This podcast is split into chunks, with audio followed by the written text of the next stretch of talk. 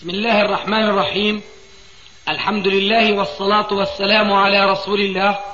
أما بعد فهذا أحد أشريطة سلسلة الهدى والنور من الدروس العلمية والفتاوى الشرعية لشيخنا محمد ناصر الدين الألباني حفظه الله. نسأل الله أن ينفع به الجميع. إخوة الإيمان والآن مع الشريط السادس والثلاثين بعد المائتين على واحد. إذا إذا إنسان بشك بشكك القراء في سنة ثابتة في صحيح البخاري وغيره وثابت في حديثين مو بحديث واحد. بشكك فيها ولا على ذمة الراوي. أنا كنت أتساءل وأقول في نفسي ليش عم يدندن حول النقطة الحساسة ويشير إلى موضوع الاعتماد على الكفين سواء مفتوحتين أو مقبوضتين؟ هل هي اسمها إيش؟ العجن بشكك فيها مطلقا وبحيل البحث إلى جزء. أنا كنت بقول أنه هذا الله أعلم ما يرى موضوع الاعتماد إطلاقا لأنه هذا مذهب الحنابلة. فأنا طلع مني هذا أنه يمكن حمله التعصب المذهبي. والآن بيزداد اعتقادي بهذا الخبر اللي سمعته. لماذا؟ مو لضعف الحديث. هذا الحديث تبع البخاري صحيح. وفيه الاعتماد سواء كان الاعتماد هيك أو كان الاعتماد هيك. لماذا لا يقول في ذلك؟ ما في هناك دليل أبدا إذا جرد الإنسان عن التعصب المذهبي. ما في دليل أنه يوجب على الإنسان النهوض وتعرف أنت وأنا نسي بجيب حديث وائل بن حجر وهذه بيعتمد على الإيش؟ الركبتين وبيحاول يقويه. ذكرت هذا نعم في الرد تعقبته نعم. طيب إيه إنه جاب له سبع ألفاظ مع إنه هو كله ثلاثة. هذا هو بعدين ثلاثة وشو بيقوي بعض البعض؟ طيب شيخنا بس يعني الآن هو لعله كلام إخواننا يعني لما يعرفونه عنه ومنه إنه الرجل ما هو متمذهب يعني أصلا. أيوة. فيعني ألا يمكن أن من باب حسن الظن به إنه نقول يعني اجتهاده الغلط وافق به مذهب الحنابلة؟ نعم يمكن وأنا ما جزمت فيما أذكر ما جزمت قلت انه حمله تعصب. قلت يمكن. لعله حمله وما شابه ذلك من العبارات. وأنا أتحفظ. لكن أنا أشعر انه إخواننا بيريدوا ما أجيب كلمة التعصب المذهبي. بأي عبارة؟ بأي عبارة؟ هو يعني والله يا شيخنا يرفع العصا ضد هؤلاء يعني, يعني حقيقة. على الاجتهاد وعلى كتبه يعني تدل على هذا. نعم. جزاه الله خير الشيخ. أنا عارف يا أخي لكن هذه هذا الموضع يعني في روع الشيخ. إيه. والله شيخنا أنا أعرفه جيدا نحن التقينا معه مرارا. كان يلتقي معك كثيرا. أي نعم. أنا أعرفه جيدا. وثم ثم وأرجو أن تلاحظوا هذه قضية هذه قضية نفسية. شو بيقول بيت الشعر؟ بيت الشعر إنه أشد شيء بيألم هو ظلما لذوي القربى. إيش وظلم إيش؟ أشد مضاضة آه. على المرء هذا هو المشكلة هنا. هذا رجل منا وفينا. وبيجي بيعالج حديث ما طرقه من قبل أحد على الطريقة التي أنا طرقتها. وهذا الحديث بخالف مذهبه. شوفوا كيف تتجمع في صدر الإنسان. المذهب اللي نشأ عليه قصدك يعني أو درسه. أي نعم. بخالف مذهبه. فوجد نقطة ضعف في تحقيق الألباني أنه هذا حديث إيش؟ ذهب هو الألباني إلى تقويته. وجد هو نقطة ضعف في تقويته. فكتب بحث خاص في الرسالة لتضيف هذا الحديث. شو وراء هذا الحديث؟ وراء هذا الحديث حكم فقهي. ما هو؟ هو الاعتماد على اليدين عند النهوض. لكن الاعتماد ثابت بالأسانيد الرواسي. فليش ما هو عم يناقش جزئية بسيطة أنه هيك ولا هيك وعم يترك أصل الموضوع. هذا هو مطلق الاعتماد وهذا ثابت في البخاري ومسلم. هذا شيء بيألمنا نحن لأنه منا وفينا. شايف؟ ولذلك بيطلع منا هيك كلام. ولا لو كان مثل غيره من المتعصبين كنا من رأسا هذا حمله التعصب المذهبي ورد الحديث ورد السنة. لا. شيخنا من باب وأنا كان والله ب... ب... بسرني أنه تكون عبارة بين أيدينا حتى نتناقش فيها فلعلكم تحضرونها في جلسة أخرى إن شاء الله. مشان يعني تقوموا بواجبكم تجاه هذا الإنسان. والسلام عليكم ورحمة الله وبركاته. إخوة الإيمان والآن مع جلسة ثانية. الإسلام بدعة حسنة وهؤلاء لابد لهم ما أقول يعني أدلتهم لهم شبهاتهم وهم يلقون بها في مناسبة أو بغير مناسبة. وربما يكون شيء من هذه الشبهات قد علقت في ذهن في ذهن البعض. يعني مثلا قد يريدون بهذه المناسبة مؤيدين للبدعة الحسنة. حديث الرسول عليه السلام من سن في الإسلام سنة حسنة وله أجرها وأجر من عمل بها إلى يوم القيامة دون أن ينقص من أجورهم شيء فقد تكون أنت سمعت هذا الحديث وتأثرت بطريقة إيرادهم إياه على تأييد دعواهم بأن هناك بدعة حسنة. فإن كان الأمر كذلك فيجب أن تسأل عن هذا الحديث. وإن كان ما طرق في ذهنك الشبهة فالحمد لله. يعني نحن نستغني عن البحث في ذلك. كذلك هناك حديث مثلا ما رأوا المسلمون حسنا أو عند الله حسن فإن كان علق في ذهنك هذا الحديث وشبهة الاستدلال به يجب أيضا إزالة هذه الشبهة والجواب عنها. لا والله انتهى الموضوع فذلك ما نبغي. الحمد لله. طيب. تبع البقر. نعم وإياكم ولحومه فإن لحومها داء أي نعم. طيب نحن نأكل لحم هذا التحذير يعني. أنا بقول لك أنت إذا تأكل لحم البقر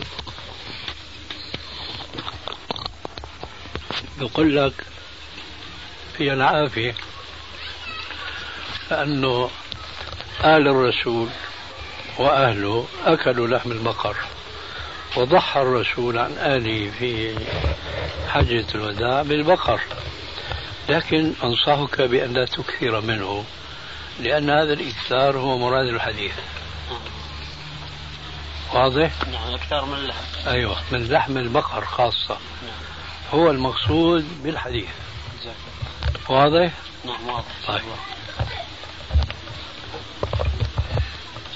شيخنا في سؤال متعلق برسالة الانتصار. بعد أمس. رسالة إيش؟ رسالة الشيخ إسماعيل الأنصاري الانتصار تبعت أمس. أي نعم والسؤال فيه طول يعني نوعا ما حتى يعني يكون السامع على علم بالمشكلة من أساسها وبالسؤال والجواب إن شاء الله. نعم. فبعد إذنكم شيخنا. تفضل. بسم الله الرحمن الرحيم. الحمد لله رب العالمين والصلاة والسلام على أشرف المرسلين وعلى آله وصحبه أجمعين. أما بعد فقد ورد في كتاب ندوة اتجاهات الفكر الإسلامي المعاصر صفحة 205 موضوع بعنوان الدعوة السلفية وموقفها من الحركات الأخرى. في نحو 12 صفحة من القطع الكبير. تضمن التعريف بالسلف والخلف ومعنى السلفية ثم بمقدمة تاريخية رجح فيها أن السلفية هي دعوة الإسلام نفسه. وليست دعوة تنتسب إلى بعض الأئمة أو العلماء كمثل شيخ الإسلام ابن تيمية أو الإمام محمد بن عبد الوهاب أو غيرهما. ثم تكلم حول الأصول الأساسية التي تركز عليها الدعوة السلفية وهي التوحيد بأقسامه الثلاثة والاتباع والتزكية والتحذير من البدع والأحاديث الضعيفة والموضوعة.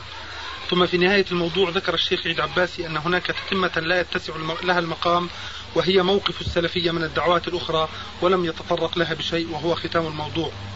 ثم بعد ذلك مباشرة ورد تعليق لفضيلتكم حول الموضوع السابق مستغرقا نحو خمس صفحات تطرقتم فيه لذكر الشيخ الإمام محمد بن عبد الوهاب وأثنيتم عليه ثناء عطرا كان منه قولكم فشيخ الإسلام محمد بن عبد الوهاب هذا كلام مين؟ كلام أوه. كلام السائل هذا كله كلام السائل لا الكلام عن محمد عبد الوهاب وكلام الشيخ. كلام الشيخ. الآن كلام الشيخ هنا أي قول- أي الكلام الأول هو كلامه. كلامي أنا نعم. سائل. طيب. فكان منه قولكم. نعم. الآن بدي أجيب قولكم. معلش نعم. أتمم؟ أتم لكن بقى في إشكال هنا ما أدري تعرض له فيما بعد ولا نعم أنا يعني. سأذكر السؤال إن شاء الله وإذا أي شيء تريد أن تعيده تفضل. أعيده أعيده. ثم بعد ذلك مباشرة ورد تعليق لفضيلتكم حول الموضوع السابق مستغرقا نحو خمس صفحات تطرقتم فيه لذكر الشيخ الإمام محمد بن عبد الوهاب. وأثنيتم عليه ثناء عطرا كان منه قولكم فشيخ الإسلام محمد بن عبد الوهاب له منزلته في الدعوة عندنا بعد شيخ الإسلام ابن تيمية رحمه الله. لكنكم ذكرتم فيما ذكرتم أنه لا معرفة عنده بالحديث الصحيح من الضعيف ثم قلتم ومن الأدلة التي تدلنا على هذا أن له رسالة مطبوعة متداولة عند أتباعه النجديين حتى اليوم اسمها آداب المشي إلى المسجد. وقد أورد في مطلع هذه الرسالة الحديث المعروف عند المسلمين عامة إلا القليل منهم بضعفه وهو حديث أبي سعيد الخدري الذي أورده الإمام ابن ماجة في سننه من طريق الفضيل بن مرزوق عن عطية السعد أو العوفي وهو مشهور بالعوفي أكثر عن عطية العوفي. هنا شيخنا النسبة وردت في الكتاب العوني متكررة ثلاث مرات وقد يعني ذكرها أو نبه عليها البعض. عن أبي سعيد الخدري قال كان رسول الله صلى الله عليه وسلم إذا خرج من بيته للمسجد قال اللهم إني أسألك بحق السائلين عليك وبحق ممشاي هذا إلى آخر الحديث. فهو اولا أورده دون أن ينبه إلى ضعفه مع أن فيه علتين اثنتين لو واحدة منهما استقلت لنهضت بتضعيف الحديث فكيف بالعلتين مجتمعتين معا؟ وثانيا أن ظاهر هذا الحديث يخالف ما كان يدعو إليه من عقيدة ومن إفراد التوحيد والدعوة لله عز وجل وهو التوسل للمخلوقين. فيا شيخنا لقد فهم بعض أهل العلم هذه الكلمة منكم تعريضا بالشيخ محمد بن عبد الوهاب.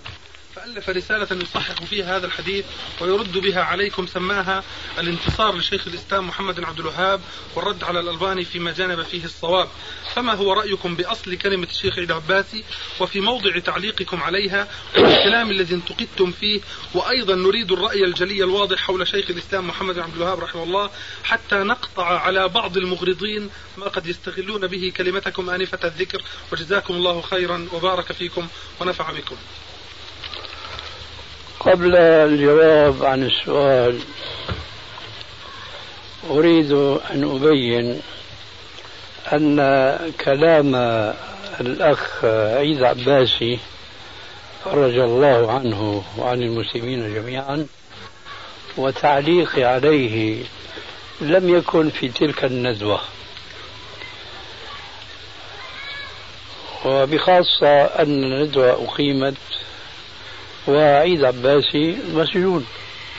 وأنا ما كنت حاضرا فيها. ولذلك فأنا أعتبر أن نشر أن نشر هذه الكلمة في ذلك الكتاب المشار إليه. إنما هو تدليس من بعض القائمين على الندوة والمعادين لدعوتنا دعوة الكتاب والسنة. فأوهم القراء أن هذا الكلام الذي نسبوه إلى عيد عباس ألقاه هناك وأن تعليقي أيضا عليه كان هناك. وهذا تدليس بلا شك غير جائز شرعا لأنه يشبه الكذب على الناس كل الناس الذين يقرؤون هذا الكتاب. ونحو هذا السؤال قد كان جاءني من بعض إخواننا طلبة العلم في عمرتي الأخيرة التي أديتها قبل نحو سنتين. هناك في المدينة المنورة وقد أجبت عنها وكان السائل بطبيعة الحال من إخواننا طلاب العلم ومن المتحمسين لشيخ الإسلام رحمه الله محمد بن عبد الوهاب. وكان خلاصة جوابي هناك وهو جوابي الآن وليس عندي شيء جديد. أنه ليس من الإسلام المبالغة والغلو في أهل العلم وإعطائهم ما لم يكونوا متلبسين ومتحققين فيه. فمحمد بن عبد الوهاب رحمه الله لا شك أن له الفضل الأكبر في نشر دعوة التوحيد في بلاد نجد أولا ثم في سائر البلاد الإسلامية الأخرى التي تأثرت بدعوته المباركة تأثرا كبيرا ولعل البلاد السورية وغيرها هي من آثار آه، تلك الدعوة الطيبة. ولكن هذا لا يعني أن الشيخ محمد بن عبد الوهاب رحمه الله كان إماما في كل علم. كان إماما في التفسير وكان إماما في الحديث وكان إماما في الفقه وإلى آخره. وهو عندي وأنا أقولها بكل صراحة. ليس كشيخ الإسلام ابن تيمية الذي جاء في ترجمته من كبار أهل العلم أنه كان إذا جلس في مجلس وفيه من مختلف العلماء والتخصص في كل علم كان إذا تكلم في أي علم ظن المتخصص فيه أن ابن تيمية متخصص في هذا العلم.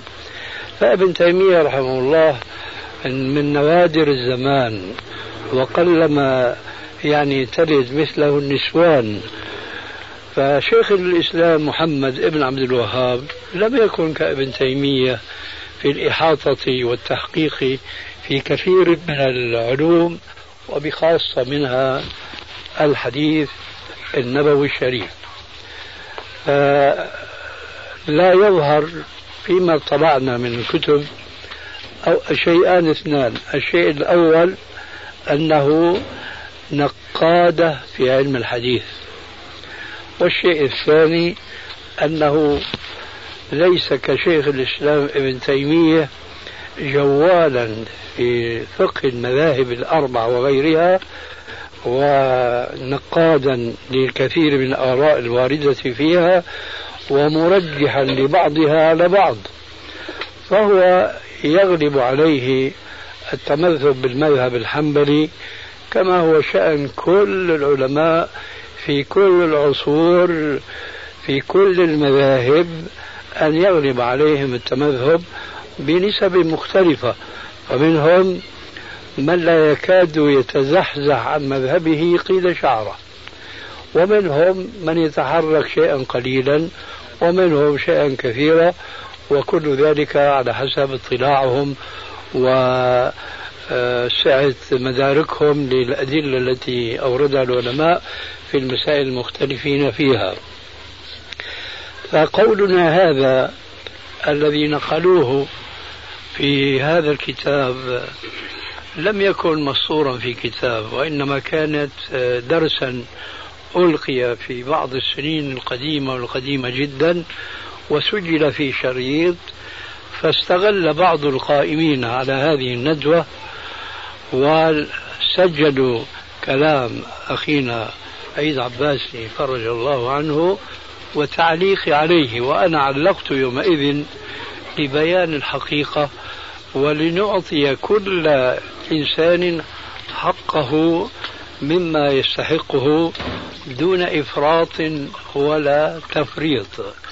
محمد بن عبد الوهاب لا شك هو رجل عالم وفاضل وبخاصة في دعوته للتوحيد فأثرها لا ينكره حتى الأعداء. أما العلوم الأخرى وبصورة خاصة علم الحديث فليس له تلك الآثار التي تحشره في زمرة حفاظ الحديث فيما لو كان هناك اليوم من يؤلف كتابا في حفاظ الحديث كما فعل الإمام الذهبي في عصره وتبعه محمد بن عبد الهادي ثم جاء من بعده السيوطي وغيرهم ألفوا كل منهم آه، يتمم الشوط الذي قام به سابقه. فلو فرضنا أن إنسانا اليوم ألف كتابا في حفاظ الحديث على مر القرون وأراد أن يعطي حقه للشيخ محمد عبد الوهاب ما حطه في مصاف هؤلاء الحفاظ فضلا عن أن يصفه في مصاف المصححين والمضاعفين لأننا نعلم بالتجربة أنه لا تلازم بين حفظ الحديث وبين نقل الحديث تصحيحا وتضعيفا. ولذلك فهذا العلم يجب أن نقدره حق قدره وفي الوقت نفسه يجب أن نعرف حق المتخصصين فيه ولا نظلم ولا نظلم هؤلاء كما أننا لا نرفع إلى مصافهم من لم يكونوا كهؤلاء. وإنما على مبدأ قول ربنا تبارك وتعالى لا تظلمون ولا تظلمون. هذا رأيي وجوابي على هذا السؤال. على رسالة إسماعيل الأنصار التي كنا بصددها. لا والله ما تيسر. الذي بدأت به منذ ثلاثين سنة تقريبا أو تزيد. ألا وهو صحيح. أبي داود وضعيف أبي داود. فالكتاب الآن مع الأسف في حكم مفقود.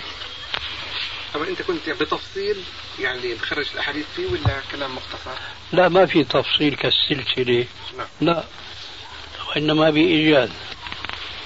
شيخ ذكر الأحكام الكبرى والوسطى فيما اطلعتم عليه من الأحكام الكبرى. هل طريقته كما أشار إليه الذهبي في ترجمته من سير أعلام النبلاء بأنها بإسناد نفسه؟ هو هذا. أم بإسناد المصنفين؟ لا لا بإسناد المصنفين. بإسناد المصنفين أيوة. وليس بإسناد نفسه. لا لا هو يقول مثلا كتاب الإيمان قال مسلم حدثني فلان قال حدثني فلان. ثم بيذكر سنن أبي داود بإسناده البزار الطبراني ال- ال- إلى آخره. طيب شيخنا مش بإسناده إلى إلى المخرجين الحديث. الذهبي في ترجمته من السير يقول وله وله الأحكام الكبرى قيل هي بإسناده. فكأن الذهبي نفسه رحمه الله ما اطلع عليها يعني حينئذ. لا هو هذا الكلام إذا صح عن الذهبي له توجيه نعم. وهو.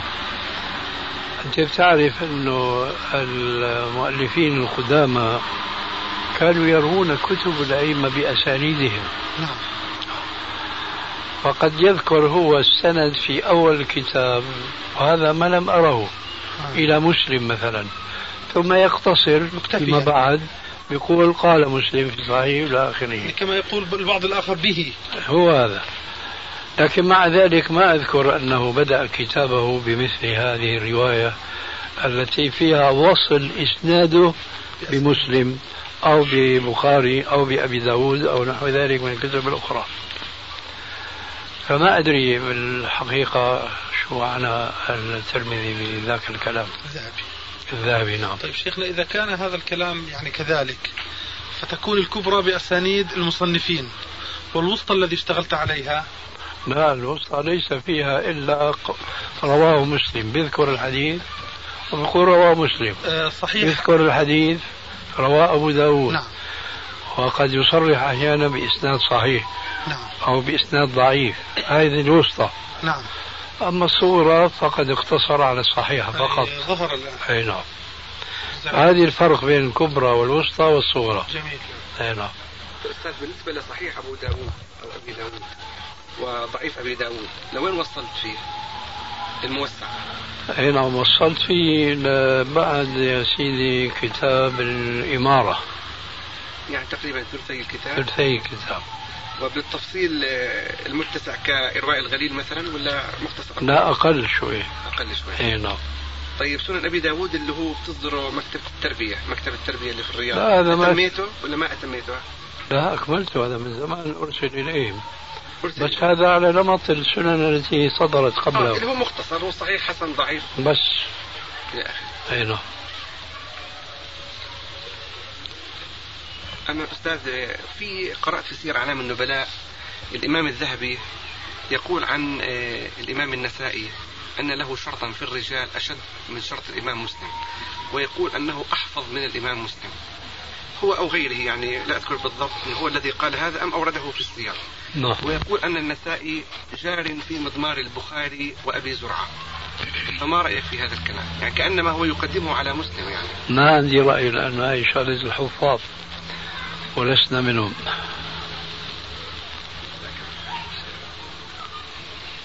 هذا يحتاج إلى استيعاب الأحاديث وطرقها وأسانيدها حتى يتمكن الإنسان من الترجيح. ودونه خرط القتاد بالنسبة إلينا. أما هو الملاحظ فعلا أنه عدد الأحاديث الضعاف في النسائي عدد قليل جدا يعني؟ يعني كأنما بجوز 5% أو شيء يقارب هذا الرقم. والله لسه ما أجريت يعني إحصاء النسبة لكن فيها نسبة وفي الغالب الضعف يأتي من الجهالة.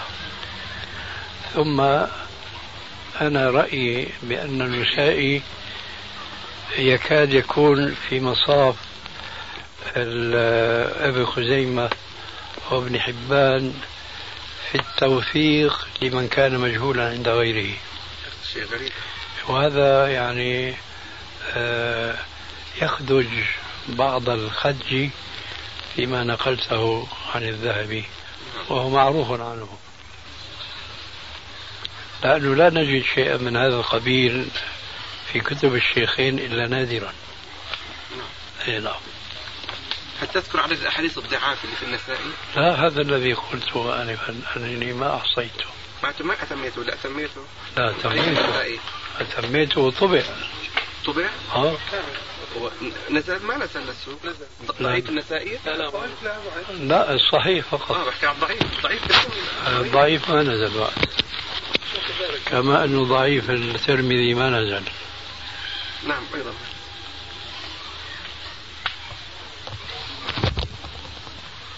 شيخنا كنت ذكرت في بعض المجالس أن أحسن كتاب لكم في من الناحية العلمية هو إرواء الغليل.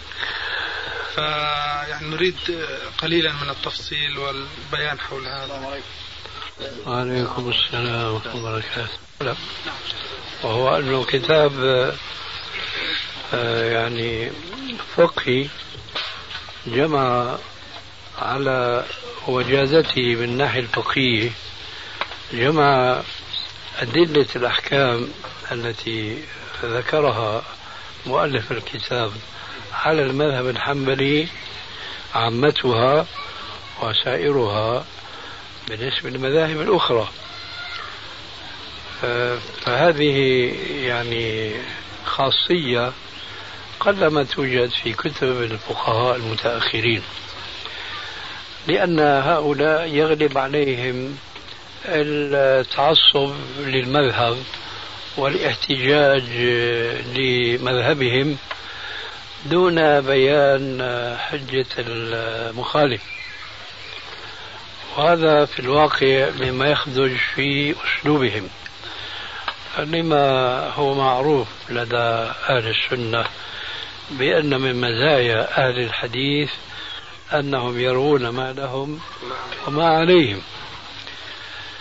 هذا الكتاب كأنه شذ عن ما جرى عليه أغلبية الفقهاء وكأنه كان متأثرا بهذه الكلمة التي ينقلها ابن تيمية في كتبه من صفة أهل الحديث والسنة. آه هذا من جهة. ومن جهة أخرى أن الحنابلة مع أنهم في اتباعهم لإمامهم. الإمام أحمد إمام السنة هم أقرب إلى الفقه السلفي الحديثي من غيرهم لو أنهم سلكوا طريق إمامهم. ولذلك آه، كنت ولا أزال أستغرب أن يكون آه، متداولا بين أيدي المسلمين عامتهم وخاصتهم كتب في تخريج بعض المذاهب المعروفة كالمذهب الحنفي والشافعي مع أن مذهب الإمام أحمد أولى بالعناية بتخريج كتبه وفقهه من سائر المذاهب الأخرى. وهذا كان من الحوافز والدوافع لي على العناية بتخريج هذا الكتاب بعد أن تميز عندي بأسلوبه الذي أشرت إليه آنفا. ولعلي ذكرت في مقدمة هذا الكتاب أو غيره نسيت العهد بعيد أنني بهذا الكتاب خدمت السنة أولا وخدمت إمام السنة ثانيا وهو الإمام أحمد وهو أولى الأئمة عندي. الإمام أحمد إمام السنة. هم أقرب إلى الفقه السلفي الحديثي من غيرهم لو أنهم سلكوا طريق إمامهم. ولذلك كنت ولا أزال أستغرب أن يكون متداولا بين أيدي المسلمين عامتهم وخاصتهم كتب في تخريج بعض المذاهب المعروفة كالمذهب الحنفي والشافعي مع أن مذهب الإمام أحمد أولى بالعناية بتخريج كتبه وفقهه من سائر المذاهب الأخرى. وهذا كان من الحوافز والدوافع لي على العناية بتخريج هذا الكتاب بعد أن تميز عندي بأسلوبه الذي أشرت إليه آنفا. ولعلي ذكرت في مقدمة هذا الكتاب أو غيره نسيت العهد بعيد أنني بهذا الكتاب خدمت السنة أولا وخدمت إمام السنة ثانيا وهو الإمام أحمد وهو أولى الأئمة عندي بأن يخدم لأنه إمام السنة. فمن هذه الحيثية ولكونه في أدلة الفقه ليس فقط الفقه الحنفي الحنبلي بل وأيضا كما قلنا ولو بنسبة دون ذلك بالنسبة للفقه المذاهب الأخرى. هذا الذي يعني جعلني أقول تلك الكلمة. وإياك. الكتب مذكور فيها الإرواء التحقيق الثاني. آه. ما هو مدى هذا طبعا؟ لا يخفاك يا أستاذ. وهذا ما أتحدث به دائما. أن العلم لا يقبل الوقوف ولا يقبل الجمود. نعم. وبصورة خاصة علم الحديث. خلافا للخرافة التي يذكرها بعض متعصبة المذاهب حيث يقولون إن علم الحديث نضج واحترق. أنت تعلم أن في كل يوم تقريبا تصدر المطابع كتبا جديدة من كتب الحديث التي لم تكن تطولها الأيدي ولو أيدي المتخصصين من أمثالي لأنه لا يستطيع أن يطوف على مكاتب الدنيا.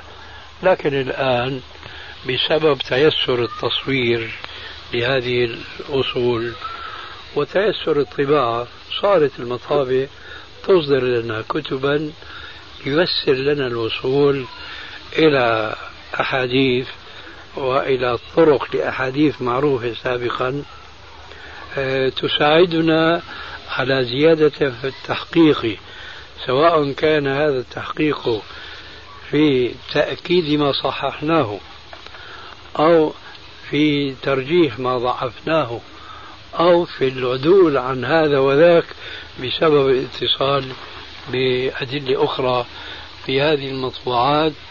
ثم لا تنسى أن هناك مصورات يعني ليست مطبوعة حتى الآن أيضا منها نسبة لا بأس فيها. مما اطلعت أن العلم لا يقبل الوقوف ولا يقبل الجمود. نعم. وبصورة خاصة علم الحديث. خلافا للخرافة التي يذكرها بعض متعصبة المذاهب حيث يقولون إن علم الحديث نضج واحترق. فأنت تعلم أن في كل يوم تقريبا تصدر المطابع كتبا جديدة. من كتب الحديث التي لم تكن تطولها الأيدي ولو أيدي المتخصصين من أمثالي لأنه لا يستطيع أن يطوف على مكاتب الدنيا. لكن الآن بسبب تيسر التصوير لهذه الأصول وتيسر الطباعة صارت المطابع تصدر لنا كتبا ييسر لنا الوصول إلى أحاديث وإلى طرق لأحاديث معروفة سابقا آه، تساعدنا على زيادة في التحقيق سواء كان هذا التحقيق في تأكيد ما صححناه أو في ترجيح ما ضعفناه أو في العدول عن هذا وذاك بسبب الاتصال بأدلة أخرى في هذه المطبوعات. ثم لا تنسى أن هناك مصورات يعني ليست مطبوعة حتى الآن. أيضا منها نسبة لا بأس فيها مما اطلعنا عليها. فهذا وذاك يساعدنا على أن نضيف على كتبنا كلها. ومنها كتاب إرواء الغليل تحقيقات جديدة حول ما أشرت إليه آنفا. أو أسميه بالتحقيق الثاني. لأنني آه، لدغت ولا يلدغ المؤمن من جهر مرتين. كنت سابقا لما خرجت صحيح الجامع وضعيف الجامع. أقول تخريج المشكات رقم كذا. فيراجعني بعض إخواننا المهتمين بعلم السنة. يقولون أنت صححت أو حسنت أو ضعفت هذا الحديث في المشكات وتعطينا الرقم نرجع إلى الرقم فلا نجد شيئا من ذلك. أقول لهم صدقتم هذا في التحقيق الثاني. فوجدت من النصح لطلاب العلم فيما بعد أن أكتب المشكات التحقيق الثاني.